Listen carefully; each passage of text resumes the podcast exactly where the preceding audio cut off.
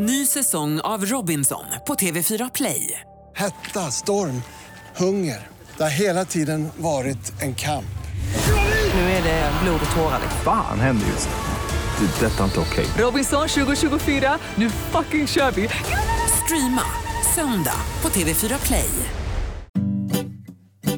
Hej och välkomna till Vad är poängen? Antidepressiva heter det här avsnittet. Jag blev chockad verkligen. Alltså, det är väldigt sällan jag blir chockad. Men 700 000 personer i Sverige äter antidepressiva idag. Just det. Alltså inte totalt genom tiderna Nej, och inte utan just idag ja. just idag så äter 700 000. Det, alltså, det är ti, nästan 10 procent. Eh, Och det börjar få mig fundera lite grann på att jag tror att det är många i min omgivning som inte berättar att de gör det. Det förstår jag ju. Det, av siffran bara. ja. Så att eh, Mikael Landén, professor i eh, psykiatri i. Göteborg. Mm. Ni känner varandra? ja. Rolig Han, frisyr eh, har du ja, sagt att han, han, är- han är både rolig Han kommer och hit har sin en frisyr. eh, eh, lite Strindberg-aktig härlig frisyr. Men en jättebra person att prata om det här ämnet med, tänker jag. Mm. För det här ämnet är ju väldigt kontroversiellt och det finns väldigt mycket, vad ska man säga, åsikter och känslor och då är det viktigt, tror jag, för oss att få reda lite mer på hur ligger det till med det här. Precis, för att eh, det kan ju vara så att någon annan, någon i ens närhet kommer berätta att de gör det och då kan det vara, kan vara intressant att ha lite förståelse för vad det innebär att faktiskt äta det. Inför programmet har vi Ja, testat, eller hur? Eh, ja, men vi har ju ätit en, En, vecka. en liten dos sertralin. Mm. Och jag känner ju att det är en liten dos och jag får någon, vi kan prata om det lite senare, vi får se om vi kommer in på det, men bara för att testa lite och jag känner att jag får respekt för det. För att eh, skulle man eh, sexdubbla min dos så, så, känner jag absolut att jag skulle bli påverkad av det. Jag har ju ingen ångest som jag ska dämpa. Nej. Så det där är lite förvirrande. För jag tänkte att jag kanske skulle bli superglad, men jag kände att det blev jag inte. Nej, så vi har väl bara mest fått testa biverkningarna. Men Det verkar så i alla fall. vi, vi har säkert lärt oss något på det också. Ja, så vi pratar lite grann med Mikael om det här och jag hoppas att ni som lyssnar kanske får veta någonting nytt om det här. Mikael Landén är från Göteborg och professor i psykiatri. Hans imponerande hårsvall är lika känd som hans forskning om bipolär sjukdom. Han är professor både på Göteborgs universitet och Karolinska institutet och han forskar om allt från transsexualism till självmord. Och mycket av hans forskning handlar om att förstå vad bipolär sjukdom beror på. Hans främsta hobby, det är att sova i kapp. Hej Mikael. Hej. Vad är poängen med antidepressiva? Det är ju, eh, alltså depression har man väl känt igen i många, många tider, i många långa tider och det kan ju ha helt eh, fruktansvärda konsekvenser. Vi pratar ofta om självmord men det är ju inte det vanligaste utan det är ju att man är dysfunktionell under långa, långa tider eh, och inte kan arbeta och inte kan umgås på normalt sätt. Så. Eh, och då har mer eller mindre av en slump så upptäckte man ju att vissa kemiska substanser faktiskt kan hjälpa mot detta. Eh, och det är ju en, det är en folksjukdom får man säga. Det drabbar ju väldigt många människor. Eh, och man kan ju både rädda liv och man kan minska lidande ganska dramatiskt med de här läkemedlen. Så det är väl helt enkelt poängen. Man kan hjälpa människor. Minska lidande. Men är inte, li- är inte, är inte livet ett enda långt lidande då? Är det liksom, är det, jag menar, vi har inte haft antidepressiva i 50 000 år. Helt plötsligt så kommer det... Har det, har det funnits behov i alla år för det här då? Men jag har, jag har eh, patienter som är lite filosofiskt lagda. Eh, och de, när de inte är deprimerade så kan de komma och säga precis som du. Och då ser de helt vakna ut och när de har pratat färdigt om att allting egentligen är meningslöst och att allting är ett lidande så går de och tar tag i sitt projekt och sen så kramar de sina barn och så lever de som vanligt. Och sen så konstaterar de att allting är helt meningslöst. Eh, på någon slags intellektuell nivå. Och sen kommer de tillbaka några månader senare och då är de deprimerade. Och då säger de precis samma saker. Men de kan nästan inte prata och de kan nästan inte röra sig och de orkar inte gå till jobbet och de känner ingenting för sina barn. Eh, och då är de deprimerade. Så det är inte särskilt svårt att skilja det. En person, om, om du ser ut som du gör och kommer in glatt till mig och säger att livet är ett långt lidande och du har någon slags buddhistisk syn på tillvaron så kommer inte jag förskriva antidepressiva till dig. För det är inte vad vi menar med depression. Vi har inte svaret på den existentiella gåtan. Livet är förmodligen helt meningslöst. Men, Men- det är inte depression. Men då, ett, alltså en, en, en djupt deprimerad person vanligt, alltså, som ofta kommer till, till dig. Mm. Hur är en sån människa? Alltså, vad, bara så att jag förstår, jag som en glad lax, eftersom att jag kan inte förstå som eh, Christian säger, det finns ju surdegsbröd vid Nytorget och det är fint väder. Och, Mm. Alltså vad är det som, att- Mm. kan du förklara för mig? Alltså när, inte- när, du är deprimerad så uh, du, du, du tappar din penna på golvet eh, och du orkar bara inte ta upp den. Det är ju, om någon ropar det brinner så kan de ju fysiskt springa ut ur huset men de orkar inte ta upp pennan. De orkar inte möta blickkontakt. Det är jättejobbigt. De, och du möjligen skulle kunna se det i tunnelbanan att folk inte vill prata. Eh, om det ringer i telefonen så orkar man inte svara. Mejlen är ju helt oöverstiglig liksom, att ta hand om och koncentrera sig på texter. Om du ska läsa bara första sidan på Dagens Nyheter så kan du inte. Du ser inte vad det står alltså.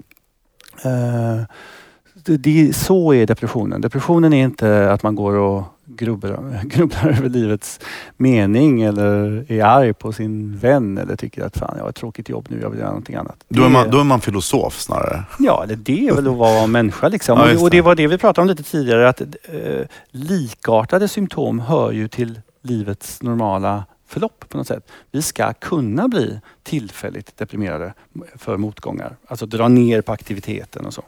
Det är, det är okej. Om du plötsligt får sparken från jobbet, eh, då är det ganska naturligt att man undrar varför och man börjar fråga sig sådana, vad är det för fel på mig? Och några av de sakerna är ju helt relevanta att ställa sig. Man, faktiskt, man kanske, som Macchiarini, man kanske gjorde något fel som man faktiskt inte ska upprepa så småningom. Man kanske faktiskt har sökt fel utbildning eh, och ska bli lite ledsen för det och sen så ska man komma in på rätt utbildning. Ångest är ett verktyg. Får, får Ja. jag följa upp det med en... Jag efterlyste på Twitter frågor inför det här programmet och det kom in en, en fråga som var anknyter lite till vad du säger att om, om vi behandlar så många i samhället med psyko, psykiatriska mediciner Mm. tar vi inte då bort förändringskraften i samhället genom att ta bort så mycket av den liksom, frustration eller problem som finns. De problem som sen kanske faktiskt kan påverka samhället på ett bra sätt. Ja, men jag tror att det är, det är en väldigt bra fråga och det är en, eh, och det är en uppgift för oss läkare att hålla rågången mellan vad vi tycker är psykisk sjukdom och vad som faktiskt inte är ett samhällsproblem. För om vi börjar medicinera samhällsproblem, för det kan vi ju göra då, eh, då, då ställer vi ju verkligen till det. Om vi låser in människor och jag brukar ju tjata om den här LAS, den här lagen om anställningsskydd eh, som ibland kan hindra folk från att byta jobb. Därför att det är som fördel att ha varit länge på ett jobb. Eh, om vi håller kvar människor på samma jobb och skapar någon slags depressiv bild och sen börjar medicinera mot det, då är vi ute på hal is kan man säga. Mm. Eh, Men, men förstår jag rätt också att du menar att den svår depression till exempel, det är liksom ingen positiv samhällsförändringskraft utan det, är- det finns liksom inget bra för samhället att ha svårt obehandlade deprimerade. Nej, jag tror inte det faktiskt. Ja, men det är klart att någon enstaka individ skulle eh, säga att jag har lärt mig mycket på de här depressionerna och så. Och, och det kan också vara så att eh, under en livstid så kanske en del skulle säga jag skulle inte vilja ha varit utan de där depressionerna för jag kom vidare på något sätt. Men riktigt djupa depressioner, alltså det är ganska vidrigt tillstånd. Det finns ju sådana här studier som har eh, samma personer som har upplevt en depression och som sen får cancer tycker ju att depressionen var ju många, många gånger värre än Mm. den här cancerdiagnosen. För det går inte att leva med depression. Man vill ingenting. Du har ingen lust. Det finns ingenting att leva för. Man, man underskattar lite hur djupt ner i hålet de ligger. Ja, man kan göra ett fel åt båda hållen. Ja. Liksom. Man, man kan säga att den här totalt förlamande ångesten, den är bara, det hör bara till mänskliga livet och, och negligera det. Och det är en dålig respekt för de som är drabbade för det. Men man kan också hamna där att man inte tolererar någon ångest alls utan man söker läkaren därför att jag inte mått bra i två dagar nu eh, när min pojkvän gjorde slut. Eh, men det kan vi ju inte göra. Det kan inte vara psykiatrins uppgift förstås. Mm. Mikael, har du eh, provat några av de mediciner som du själv skriver ut? Ja, men det har jag gjort. Jag har prövat sådana här SSRI som de heter. Varför det? Eh, därför att eh, man förskriver dem så oerhört ofta. Så jag tycker att det är rimligt att man har någon slags känsla för de biverkningar som man faktiskt eh, kan ge patienter. Eh, hur allvarliga de är. Mm. Och hur, hur var det när du provade då? Eh, jag har provat dem några gånger under livet och eh, det är en intressant sak att jag tycker att man har fått olika biverkningar i olika åldrar faktiskt. Mm. Jag har inte gjort så hemskt många försök men tre har jag nog gjort i alla fall. Eh, och jag tycker, eh, alltså dels är det ju det att man får de biverkningar som beskrivs förstås. Illamående och svettningar och darrningar och trötthet också. Mm.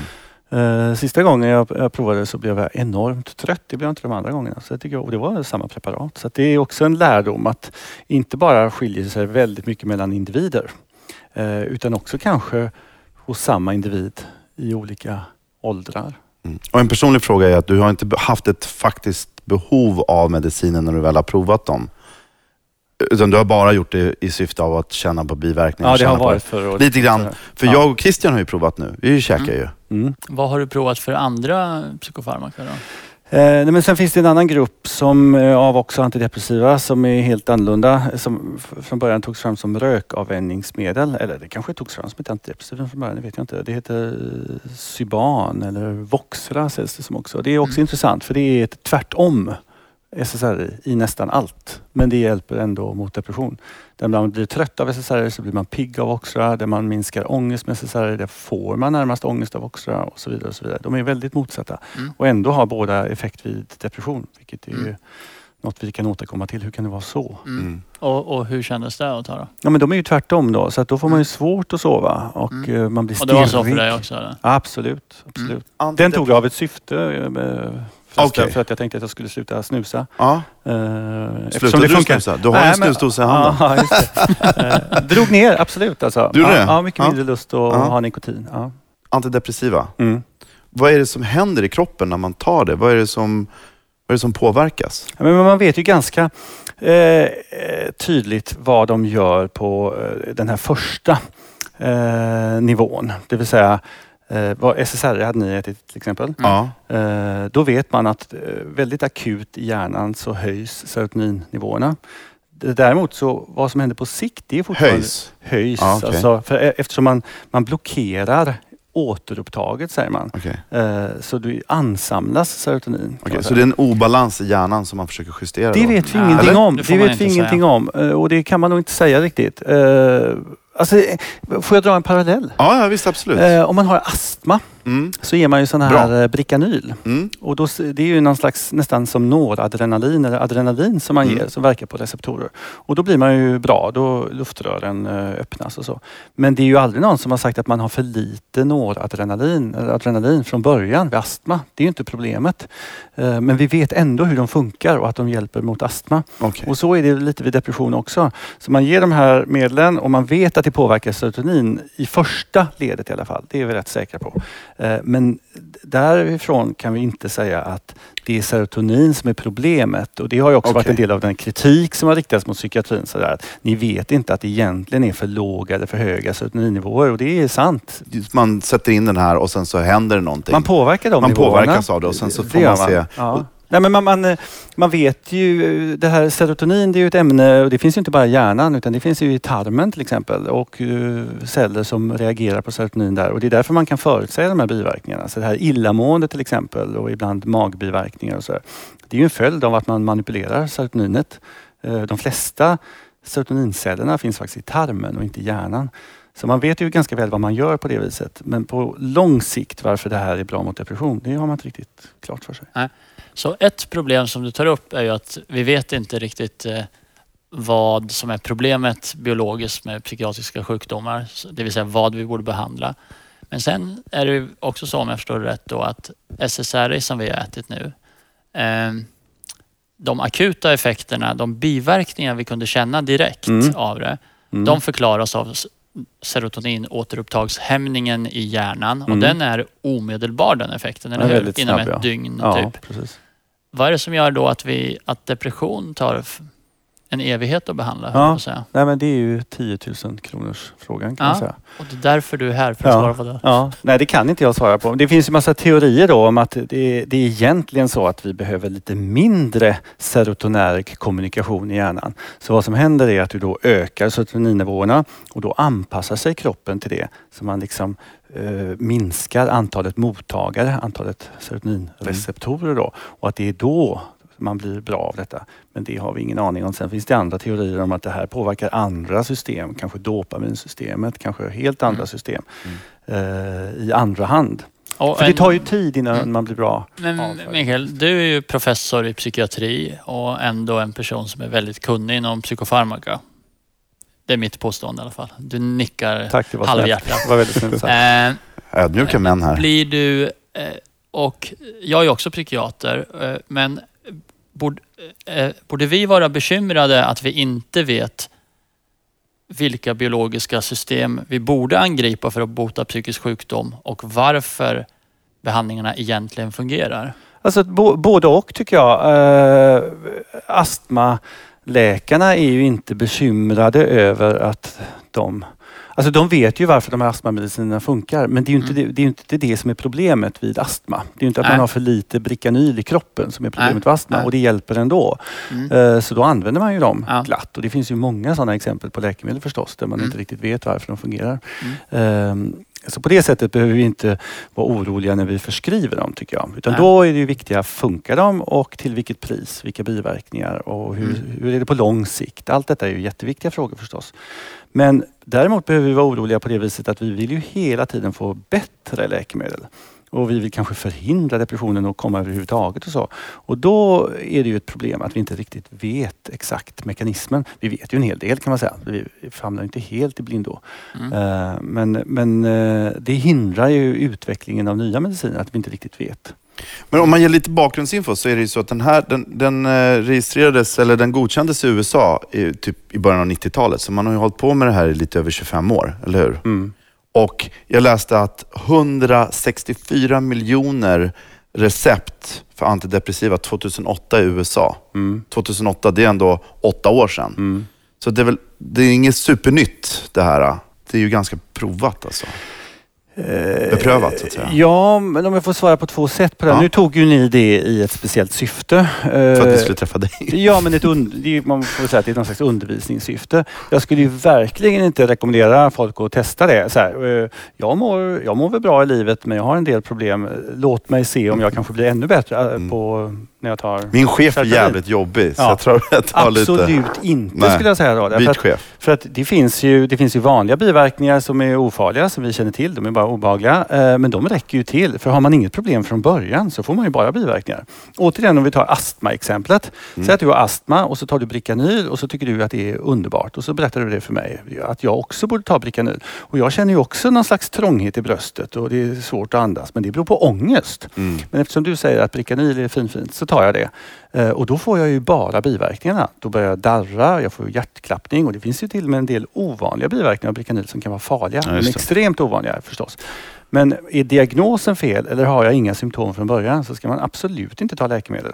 Det är ju Men, kemiska eh, substanser som kan ha alla möjliga Det effekter. är bra att vi varnar eh, lyssnarna för att inte experimentera på Ja, egen nej, hand. det, Men Mikael, det ju, eh, debatteras ju ofta om, om vi använder för mycket eller för lite psykofarmaka, alltså psykiatriska läkemedel Mm. i Sverige.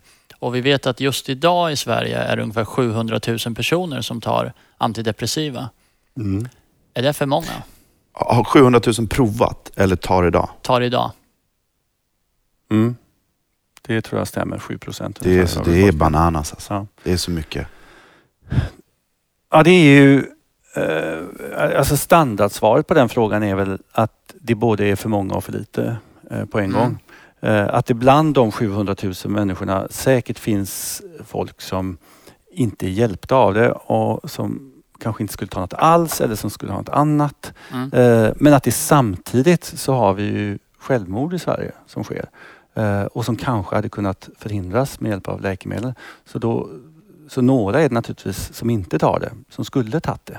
Mm. Det är inte några hundratusen till kanske, men några är det som inte upptäcks och som faktiskt man, in, och rädda livet är ju det mest dramatiska Ja. förstås, men det kan ju också vara som skulle fungerat jättebra eller man skulle förhindrat andra Mm.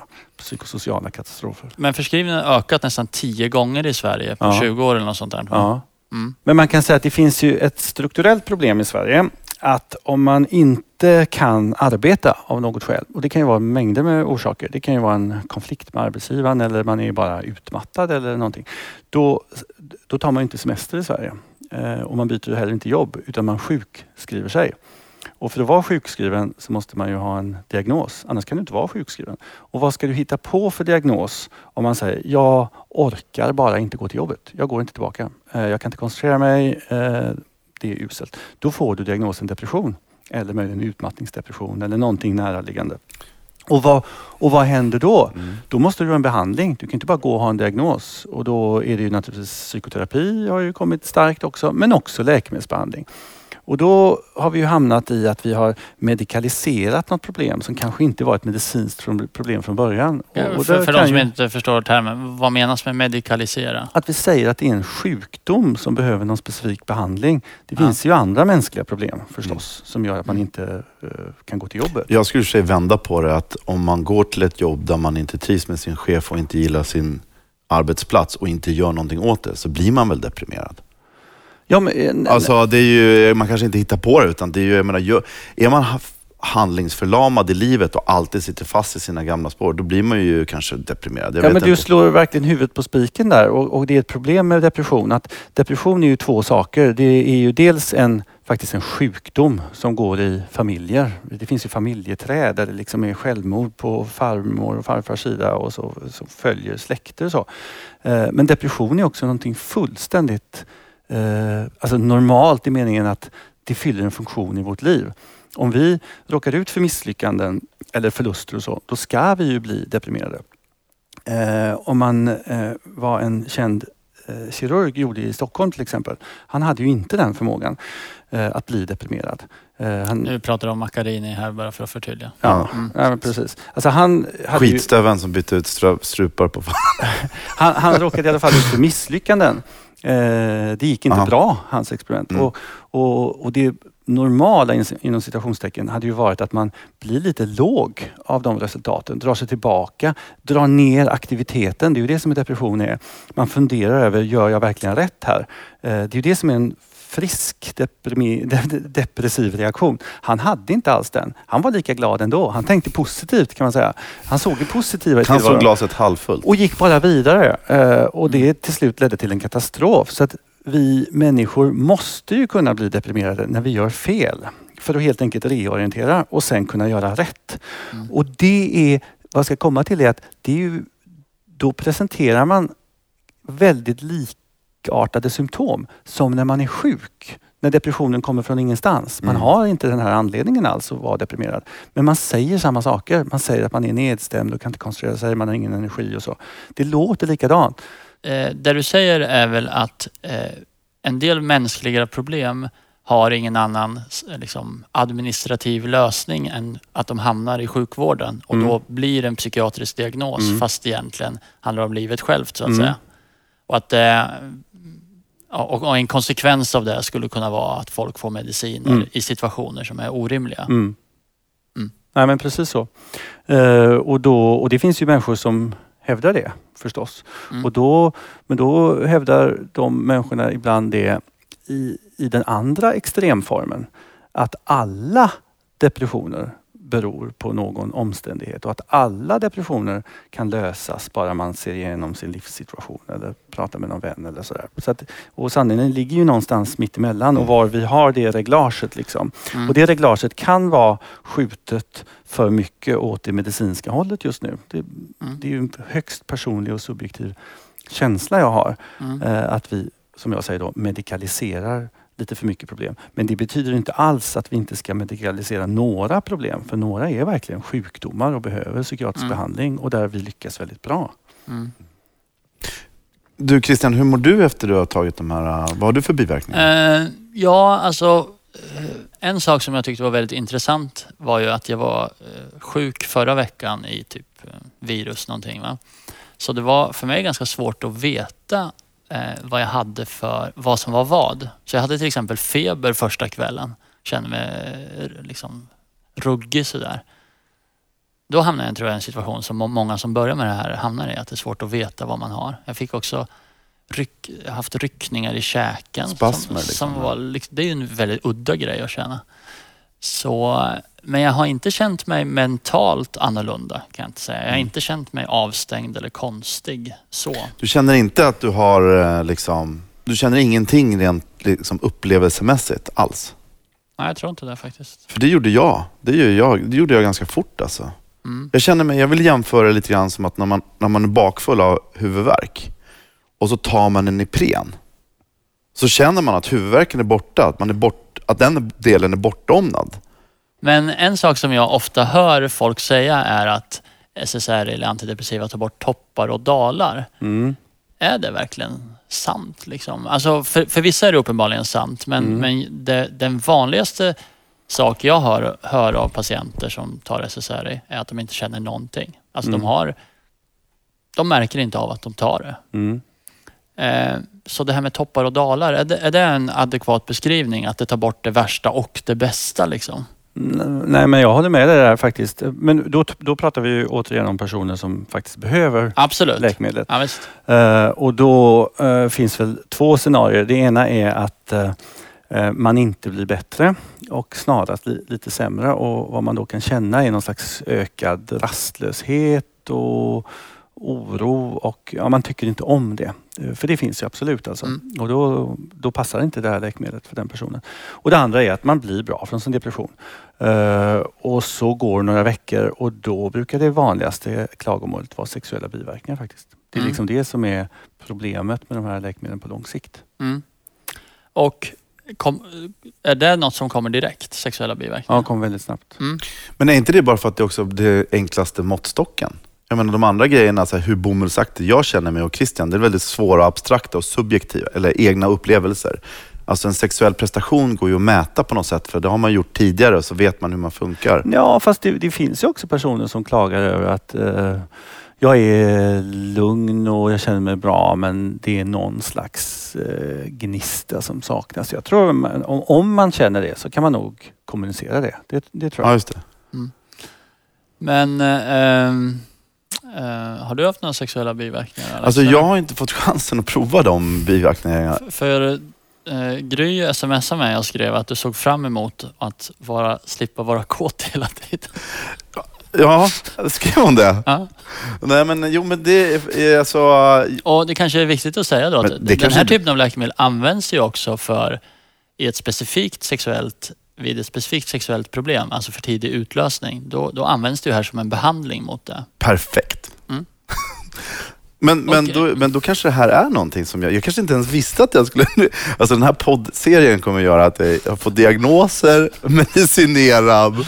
Ja, Man pratar ju om att man blir mer självmordsbenägen om man börjar med medicinen, med antidepressiva, har jag förstått det som. Det Och ja. bland unga så finns det större risk om man är djupt deprimerad att, att självmordsrisken ökar. Finns det, något, finns det verkligen något underlag? Finns det, vet man att folk tar livet av sig när de börjar äta antidepressiva? Eller är det bara... Mm. Mikael, kan du reda ut det där lite grann? Eh, alltså det, det finns... ehm, för, eh, det har hängt med en sån här beskrivning från gamla tider och då, då tänkte man sig så här att när man är djupt deprimerad då orkar man ju nästan inte göra någonting. Man är väldigt inaktiv. Och då hade man en idé att när man får antidepressiva så blir man först aktiverad så att man kan liksom bara börja röra sig och ta tag i saker. Men att effekten på humöret kommer lite senare. Så då har du ett tillstånd där du plötsligt börjar bli, få energi och vara aktiv men du är fortfarande dyster. Mm. Och då tänkte man sig att under den perioden då har man ju de här mörka tankarna och man kan göra någonting åt det.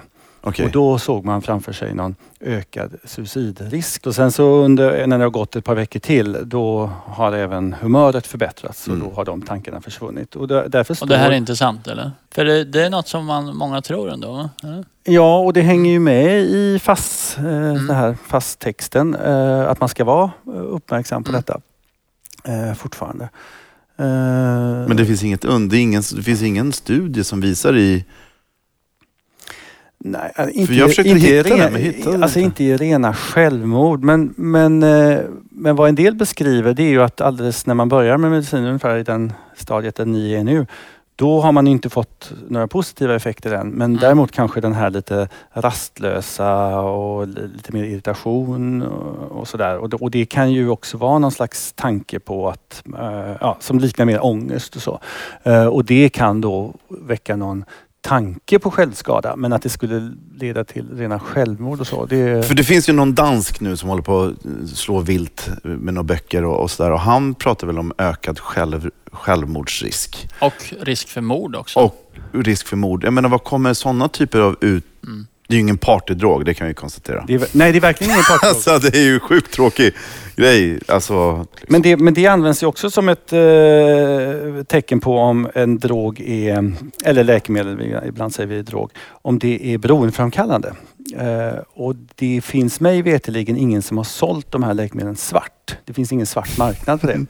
Eh, men det, det finns ju för många andra psykiatriska läkemedel så det är ju inte omöjligt att det kan ske. Men det har ju inte hänt. Man kan inte gå ner på eh, plattan här och köpa Mm. sertralin. Det går inte. De har inte det. Men, och när, om man inte har någon effekt då, hur länge ska man vänta tycker du egentligen? Och där, förut sa vi ju att man kanske skulle vänta i fyra, fem, sex veckor för att det kan eh, ta så lång tid innan man får effekt. Det, vi tycker väl inte riktigt det nu utan effekten kommer nog lite snabbare. Om man har en positiv effekt så brukar man känna det efter två veckor. Ibland snabbare än så. Mm. Och har man inte märkt någonting alls efter två veckor, då kanske man ska fundera över man, man är inte frisk efter två veckor, man är inte återställd. Men om man inte har någon effekt alls eh, efter två veckor, då kanske man ska fundera, fundera över något annat preparat eller inte något läkemedel alls. eller så. Eller höja dosen eller? Ja, ja, det beror på vad du börjar på för startdos förstås. Mm. Eh, om du är på en alldeles för låg dos, då är det ju inget riktigt försök. Sådär. Mm. Men eh, om du har kommit upp i någon slags normaldos efter två, två veckor och inte har någon effekt alls, då skulle jag nog... eh, Du skulle eller- sluta redan då? Ja, två, tre sådär. Men jag skulle inte hålla jag på... skulle trappa upp dosen till maxdos och sen sluta. Ja, maxdos. var det? 150 mg sertralin till exempel innan man ger upp. Aha. Ja, Eller, du, eller varför skulle man annars höja dosen? Så att säga? Jo, men då brukar det ändå vara att man, effekt. Liksom. Jo, men att man har Mm. någon effekt. Att man känner att det är någonting som är lite bättre faktiskt. Och då är Mm. ju skatt, det, det är ju faktiskt bra att ha till hjälp skattningsskalor. Mm. Eh, där man Mm. får... Mm. Jag jobbar ju inte så mycket med depression utan mest med tvångssyndrom. Då, då kan man säga att det är få som svarar på startdos. Alltså. Mm, men de är ju, det är lite annorlunda för där kräver du längre behandlingstider och högre doser. Ju. Just det. Eh, Alex, du, inför att du skulle börja äta antidepressiva här så Mm. sa jag till dig att man kunde få sexuella biverkningar och då smsade du mig om du skulle ta Cialis samtidigt. Då. Cialis är alltså en sån eh, Mm. erektionshjälpmedelsmedicin. som jag faktiskt också har provat. Ja, Ja, det får bli ett eget avsnitt om erektion. Och då är frågan till Mikael, det här är ju ett vanligt bekymmer när man tar antidepressiva, att man får sexuella biverkningar. Mm. Eh, och det är ju, om jag, mitt intryck är att det vanligaste är lu- lustlöshet eller orgasmsvårigheter. Vad, vad är det man ska göra då egentligen? Ska man ta Cialis eller vad? Cialis, eh, alltså om man har erektionsproblem kan man ju ta Cialis, men det är sällan problemet med SSRI. Med en del andra antidepressiva kan det vara ett problem, men eh, det är ju ofta orgasmproblem. Mm, Eh, och då hjälper ju inte Cialis. nej, så vad hjälper? så vad hjälper? Alltså det, det, är, det är faktiskt ett eh, problem. Då, och då, en sak var ett läkemedel som finns som man kan ge tillägg som heter eh, Buspiron. Eh, det kan ibland hjälpa faktiskt. Det finns någon studie som visar att det faktiskt hjälper. Det är väl din studie? Ja. Eh, det var därför jag Från hade så 90-talet? lätt att Jag minns den. det. Nej men det verkar ha en effekt framförallt för kvinnor så det kan ju vara värt att prova faktiskt. Ja. Men eh, någon, någon fantastisk revolutionerande effekt är det inte. Och sen är det vad som föreslås är faktiskt att um, så kallad drug holiday. Ja. Eh, för man kan ju låta bli att ta eh, medlet i två dagar till exempel och det gör inte att man blir deprimerad igen. Och sen om man kan planera sitt sexliv så att man helt enkelt inte tar tabletten på fredag morgon och inte på lördag morgon och så har man sex på helgen och sen börjar man som vanligt igen. Det låter ju väldigt tråkigt kanske att planera det på det viset men det kan fungera. Men du, Och- eh, förlåt, men, men man ska rådgöra det här med sin läkare om man nu lyssnar man på det här. Jag ska bara, För jag bara kände, ja. en sak till och det är ju att man tänker sig att man ska eh, sänka dosen förstås. Och då minskar ju de här problemen. Men tyvärr också då ibland den antidepressiva effekten. Mm. Men kan man klara sig med, man ska ha lägsta möjliga dos förstås. Men det här drug holiday då, att Mm. man alltså avstår från medicinen en till två dagar. Mm. Bo, varför funkar det? För Därför man har ju så- fortfarande kvar läkemedel i kroppen, eller hur? Om Ja. kommit upp i... Ja, nej men det är en bra fråga Mm. då, därför att då finns det ett, framförallt det som heter Prozac eller Fluoxetin i Sverige och så. Det har väldigt lång halveringstid så det hänger kvar i kroppen så där funkar det faktiskt sämre med Drug Mm. Holiday. Eh, men de andra läkemedlen, där faller koncentrationen ganska snabbt. Mm. Man har visserligen lite kvar men det är betydligt mindre bara man gör en dags uppehåll. Mm. Eh, och den här sexuella biverkan, den kommer lika snabbt och försvinner lika snabbt med läkemedlet. Okej. Eh, Så den är inte riktigt Så samma en, som en ny semesterform föreslås här som heter Drug Holiday. Drug Holiday. Men sen kan man ju också fråga sig varför orgasm är så viktigt. Vi kanske borde lära oss lite av det här tantra och sånt. Kanske inte fokusera så mycket på orgasmer. Fast Ja, okej. om jag får Ja, ja. vara lite tråkigt seriös då så, så är det ju faktiskt väldigt viktigt. Eh, och, och, och framförallt är det så att i början så har man ju inget, om man är deprimerad så har man inte mycket till sexliv ändå. Eh, och då viftar ofta patienterna bort det. Ja, det är mitt minsta problem nu Mm. säger man när man informerar om sexuella biverkningar. Och sen blir man ju bra då och fungerar som vanligt.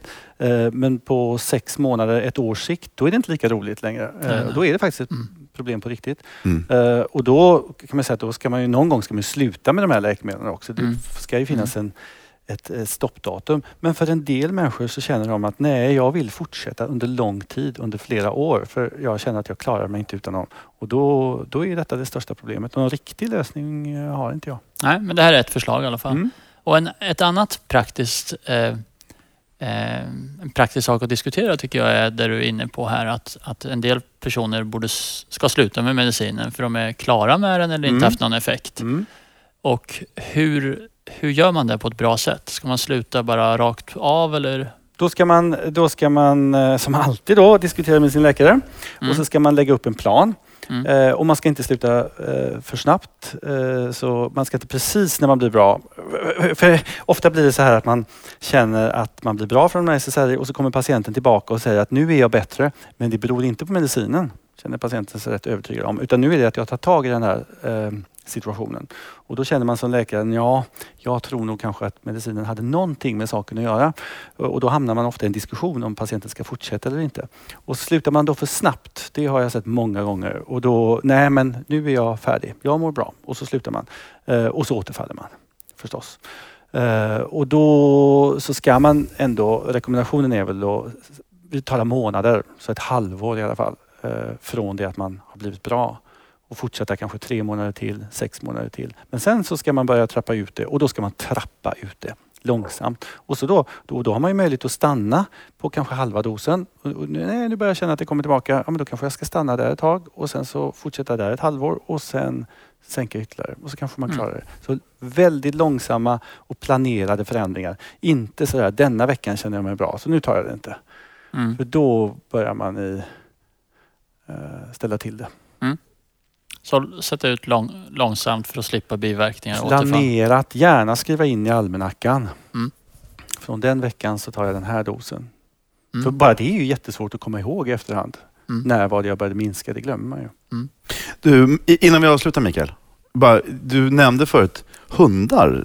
De, man ger antidepressiva till hundar. Ja, jag är inte veterinär men alltså, de kan ju också få ångest förstås. Och de reagerar hur då? De reagerar väldigt lika. Och, menar, hundar har ju också de här egenskaperna. En del är väldigt oroliga för allting och rycker till vid minsta ljud och andra är, som er hund, är Mm. kolugn och nord- Bosse ligger och snarkar där borta. Jag bryr sig inte om att det kommer en främling här i huset. Så han har någon inbyggt eh, SSRI. Antidepressiv Ja, så han behöver inte alls det. Men har man extremt nervösa och stirriga hundar så kan man ju ge dem SSRI och de reagerar på samma sätt. Deras ångest minskar, deras stirrighet minskar. Det funkar. Hur, hur är självmordsstatistiken bland hundar? Ja, de har nog inget begrepp om döden tror jag. Så de ser inte det som en utväg. Ja, det- tack Mikael för att du kom. Ja, om du gillar vårt program så skriv gärna en kommentar på iTunes och du får hemskt gärna skicka förslag till oss eh, på ämnen. Du kan gå in på vadärpoängen.se utan prickar eh, och hör av dig. Ja, eller e-maila till info utan prickar. Ja. Bra. Tack. Tack. Ny säsong av Robinson på TV4 Play. Hetta, storm, hunger. Det har hela tiden varit en kamp. Nu är det blod och tårar. Fan händer just nu. Det. är Detta är inte okej. Robinson 2024, nu fucking kör vi! Streama söndag på TV4 Play.